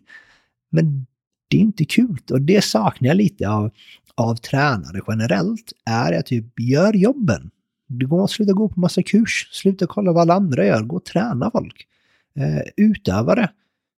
Gå och gör jobben och jobben är inte bara de timmarna du är på Eh, träning. Jag brukar kalla eh, uh, 24 timmars utövan eller 168 timmar. Du har 168 timmar på en uke. I crossfit är en högvolymsidrott. Det, då brukar du runt 30 timmar. Det betyder att du har eh, 138 timmar du kan tillrättalägga och vara en god utövare. Där görs jobben. Det är helt riktigt, det är ett gott tips. Det är viktigt att få dessa perspektiven någon gånger. Eh, faktiskt då vara klar över att det är 168 timmar i en uke, för det är många som inte är klar över det. Jag blir förvånad. Ja. Jag blir så förvånad. Eh, Men om så- du frågar folk hur mycket pengar de tjänar så vet de det. Det. Men du byter tid mot pengar. Så din reella valuta är tid. Hur kan man inte vara bevisst på det? Jag får ju väldigt mycket eh, crap. Eller eh, mina vänner dissar mig mycket för att jag har, är så strukturerad med min kalender. Men jag känner ju få folk som upplever så mycket som jag gör också. Det är för att jag, tid är det enda jag har fått. Jag vill bara bruka den förnuftigt då. Men känner du också få som är som har så detaljerad timeplan och likevel är så laid back på tidpunkter som mig? Nej, Nej. vi har någonting som jag vet inte om det har blivit nämnt på podcasten. Vi kallar det Elotime. Ska jag förtala, förtälla om dagen? Jag tror inte det har uh, blivit nämnt, nej. Nej, så jag kan bara bruka dagen som en fun fact. Elo och jag skulle spela en podcast och vi hann slå färdig med PT-kunden klockan ett. Och då klockan kvart över ett så tänkte jag, jag ger en kvarter för han har aldrig tid. 20 över ett så står jag klar och då kommer någon och säger, men han är inne på fynd och köper kläder han. Jag bara, okej, jag åkte iväg, men jag, jag känner han så gott så jag, för jag är väldigt på tid, du håller tid, men jag vet att när jag har en avtal med Elo så sätter jag en och två timmar innan och en två timmar efter. Och sen är jag bara, för då tillpassar jag mig det istället för att gå runt och bli irriterad över det. Ja. Och sen är det satt av kvällen till typ sju nu. Och vad är klockan? Halv sju. Halv vi, vi, vi skulle börja ett. Vi skulle göra ett som tog oss 18 minuter. Vi skulle äta och spela in podcasten. Men när det är sagt och sagt, du får mycket gjort. Ja, och så är det jo, skulle vi vara färdiga till sju, och det kommer vi att vara. Eh, och det kommer också att bli en väldigt bra episode, så resultatet blir ju bra. Ja, Men det är väldigt fint, vi har ju olika styrkor och kvaliteter, och vi liker ju att dissa varandra lite grann på olika Ja. ting. det, det är gott, gott snack. Ja, og Fynd hadde fått en ny type genser som jeg har etterlyst lenge. Så jeg måtte Prioriteringen bro and genser. Jeg måtte inn og ha den, altså jeg har venta på et halvt år. Men eh, vi begynner jo å nærme oss slutten etter hvert. Mm. Eh, vi kunne jo som sagt lagd en podkast hvor vi egentlig bare snakker om trening, og det å trene idrettsutøvere. Kanskje vi gjør det en gang òg. Ja. kanskje vi får med noen andre Får trenere. jag ge ett tips då? Ja. Simon Åslund. Han är landslagstränare för uh, uh, Function Fitness-landslaget. Det är få människor jag vet som är så passionerade för toppidrott som han är. Och har så många goda tankar om det. Simen har jeg prata med mye, eh, og vi har snakket mye om fysisk trening i håndball, fordi Simen har jo faktisk vært fysisk trener for håndballspillere. Visste du det? Ja. Du visste? Så han, han er en dyktig kar, men eh, vi kommer definitivt å ha kanskje litt mer faglige episoder og sånn etter hvert også, for det er jo også spennende. Mm. Og det er mange som har spørsmål rundt de tingene som du nevnte nå, denne pyramiden og sånn, og spesielt når man begynner å komme litt høyere opp i den pyramiden, så begynner det å bli sexy og interessant for mange, da. Men det är så här typ, alla vill upp på pyramiden men ingen vill klättra den. Ja. Och ju bredare bas du gör, ju högre blir din pyramid, ju högre har du rätten till att klättra. Det er sant. Eh, noe som ikke har noe med saken å gjøre, men som jeg tenkte på i innledningen, som du kanskje kan si noen ord om, det er jo at vi leser jo mye. Jeg leser også mye. Mhm. Kanskje ikke like mye som deg, men jeg leser mye. Eh, og vi har også, gjennom de årene i hvert fall, når jeg har kjent deg, hatt en del mennesker som vi blir inspirert av. Om det er idrettsutøvere, om det er artister, om det er professorer, eller hva det enn måtte være. Akkurat nå så hører vi på samme lydbok Will Smith, med Will Smith, og det er eh, en fantastisk mann. hur långt har du kommit? Jeg, jeg vet ikke hvor langt jeg har kommet. Jeg har ikke hørt like mye som deg. Men eh, du kan jo få si noen korte ord om den boka til Will Smith, for vi sitter og hører på den samtidig nå. Eh, Fantastisk mann. Vad ska jag säga, han är en entertainer. Han är en väldigt reflekterad person med väldigt mycket självinsikt som kom väldigt sent, märker man i boken. Uh, det är de sista åren han har känt sin egen adfärd. För han är ju en larger than life person liksom. Uh, allt han har fått till. Men väldigt inspirerande. Vi vill säga typ, eh, lite som din podcast, du vill ha folk som kanske inspirerar någon. Och vi har ju någonstans tagit ett ansvar med att läsa mycket självbiografier bland annat om människor som inspirerar oss. Vad har de gjort? Och mycket är det, att de är människor precis som alla andra. De har, det jag brukar säga reverse engineering. De har haft en dröm och sen bryter de ner det baklänges. Hur kommer jag dit? Och det är mycket så vi jobbar generellt. Vad vill du uppnå? Vad måste vi få till för att göra det? Och det är en av de ting vi har snackat om förr är ju att eh, eh, du önskar att bli god på något, så selvfølgelig må du legge ned jobben og alle disse tingene her. Mm, Men noe du har sagt også før, som eh, har blitt litt sånn værende, er jo at hvem kjenner du som er vanvittig gode på det du ønsker å bli god i? Ta kontakt med den personen. Og det er jo kanskje et tips du har da til utøvere der ute, selv om du ikke nevnte det i stad. Absolut. Eh, jag kan ta ett par exempel. Eh, Leif fick jag ju bredvid varje dag, kopierade allt jag tyckte han gjorde bra. Eh, Espen Arntzen som jag nämnde, eh, Eh, när jag fick börja jobba på AFPT så var sjätte månad så åkte jag till honom med massa spörsmål om allt möjligt jag tänkte att han kan lära mig. En annan mentor jag har, Odeinar. Eh, när han dök upp i mitt liv, han är advokat, så tog jag fri från jobben en vecka och gick med han på alla hans möten. Och det är så här typ, jo men vad du lär dig är ju vad de kan. Idag är information så tillgängligt och klarar du skapa resultat så är inte så får folk så uppsatta av din utdannelse. När det är sagt så är utdannelse viktigt, men du kan lära dig väldigt mycket av att bara ta kontakt med toppidrottsutövare. Och det är nog väldigt få toppidrottsutövare som säger nej, för alla vill vara viktiga. Och man är väldigt viktig om någon kommer och säger du, skulle jag kunna få följa dig och lära mig av dig? Mentorskap är så undervärderat. Jag tycker ju, jag försöker också alltid ha det, alltid någon som är bättre än mig i något som jag kan försöka sträcka mig till. Alltid någon som är lika god som mig som jag konkurrerar lite med. Och alltid någon som jag är bättre än som jag kan eh, ta vara på och lära ut. För faktiskt högsta formen av läring är reflektion. Vi har inte nämnt Lars-Olov, han borde också ha ett kapitel här.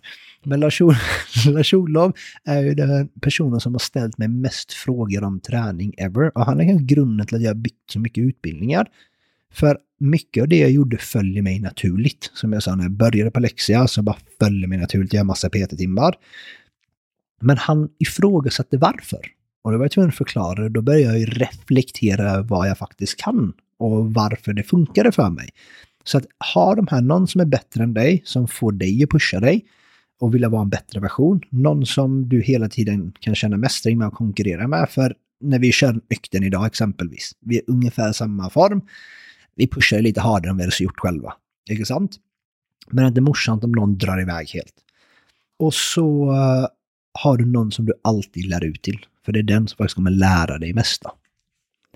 Uh, og det som du nevner der, er jo veldig veldig relevant, og selv om du driver med crossfit. Jeg driver mye med lagidrett. Det er veldig relevant inn i et lag. Det kan være et godt tips til uh, nesten enhver spiller. Mm. Fordi som regel på et lag har du noen som er bedre enn deg, og som regel har du noen som du konkurrerer mot, Mm. kanskje i samme posisjon. Og som regel har du noen, kanskje juniorer eller unge spillere, som du kanskje kan ta litt under vingen og, og bli en liten mentor for, da. Mm. Så det kan være et godt tips, da, for å både få perspektiv og den pushinga, men også at du kanskje får en del spørsmål som gjør at du faktisk må lære ut en del ting, da. När du lär ut ting så må du ta ett ansvar. Och det är väldigt sällan jag har sett folk ha dåligt av ansvar. Växer man med ansvar. Ansvar er viktig, og det får deg som regel til å prestere bedre også Mm. innenfor idrett. Mm. Eh, vi skal ha noen eh, avsluttende spørsmål, fordi at med mindre du har noe mer du vil fortelle om historien din, vi kunne prata om mange ting, Mm. eh, men jeg syns jo du har fått fram mye Mm. av din reise og dine grunnleggende verdier fra din mor og ting du har opplevd, da. Mm. Hvilken tid, eller hvis du har en alder fra du, som du husker fra barndommen din, du sa du var 16 år når du så at din storebror satt en heroinsprøyte rett foran deg. Mm. Vilken hvilken tid er det du kan huske hvor, som var mest utfordrende for deg, hvis du kan se tilbake på det? Eh. Uh. Jag kan ha skrudd samman, inte skrudd samman som alla andra, så jag ser väldigt mycket på det positiva. Jag och min mellersta bror hade en prat eh, uh, för några månader sedan, då han inte huskade vår barndom var så bra som jag huskar att den var.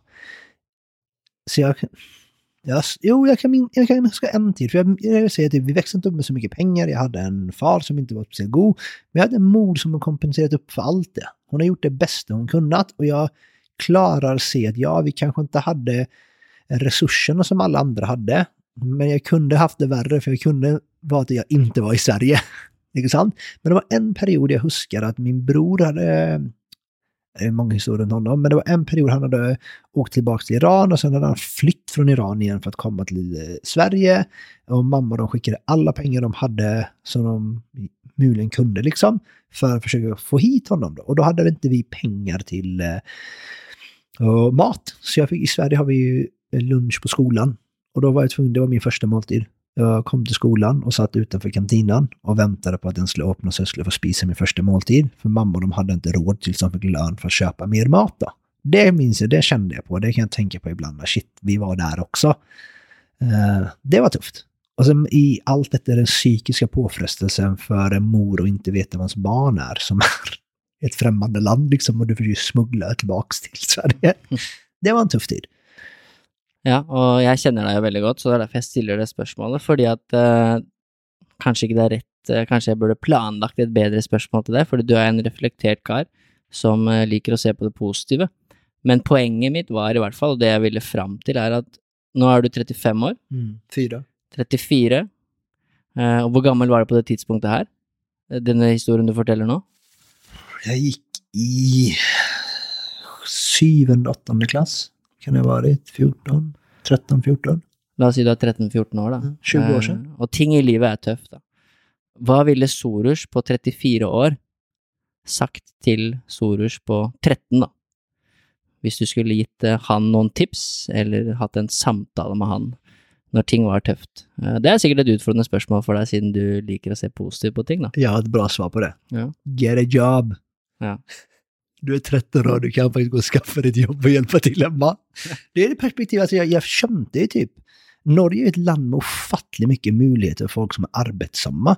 Eh, och det var en god vän Hilmar som sa det till mig. Eh, har du någonsin sett en isländare som är lat? Nei, i hvert fall så er det jo sagt at de er eh, Arbetsamma. Ja. Och han sa det till mig, hard work knows hard work wherever you come in the world. Och det är typ, jag hade kanske börjat jobba tidigare, kommit in i arbetslivet tidigare, för det är ju möjligheter. Eh, jag kunde hjälpa till med ekonomin hemma. Och jag någon kan tycka det är barnarbete, eller istället för att en 13-åring springer runt på gatan och inte gör ett piss, eh, så kunde han hjälpa till hemma. Det är hur jag ser på det nu då. Jag hade inte haft ont av att ha ett lite extra jobb liksom. Nej, det är ett bra perspektiv att ha, det. Och det är ju, det handler, som du sa, det handlar ju lite om din bakgrund också. Det är ju inte alla som växer upp i Norge som har det sånt. Eh, som vil ha det samme perspektivet som du har. Eh, som tenker på at de burde fått seg en jobb når de var 13. Men det er jo et godt tips, da.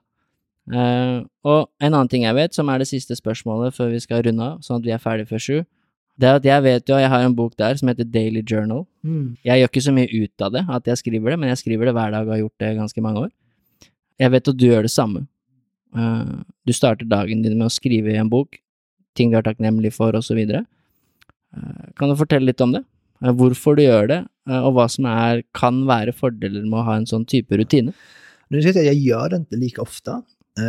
För det har blivit en mönster för mig. Att, ja, det har blivit ett mönster för mig att tänka på det. Jag kan gå upp på morgonen och tänka, okej, det kan inte fallas bra av olika grunder, men vad, vad är det som är positivt i ditt liv? För mycket tacknämlighet eh, går ju på att du kan faktiskt bara tänka på en sak i taget. Så om du väljer och vad du ska tänka på och fokuserar på det som är bra i ditt liv, då, då blir dagen bättre. För du väljer att tänka på det som är bra. För det finns alltid mer ting du kan ha. Du kan alltid ha en bättre relation, du kan ha mer pengar, du kan ha mer tid.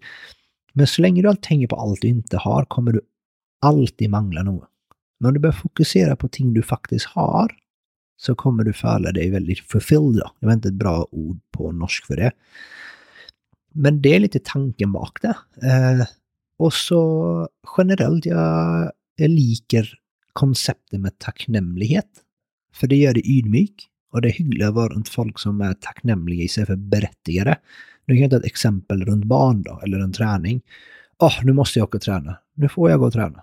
Åh, nu måste jag laga mat till barnen. Nu får jag laga mat till barnen. Och det är så här typ, det är perspektiv. Du måste ändå göra uppgaven. Så varför så går du inte och hatar den då? Istället för att men det här är fina saker att göra. Och så här, kan jag säga många grunder. Eh, och så är det väldigt viktigt för mig. Och jag gör det på de morgnar jag har Alea. Så går vi alltid upp. Hon förstår ju inte det än, men hon... Det är tipp eller saker till föräldrar. Barn blir en summa av vem du är. Det har vi pratat mycket om.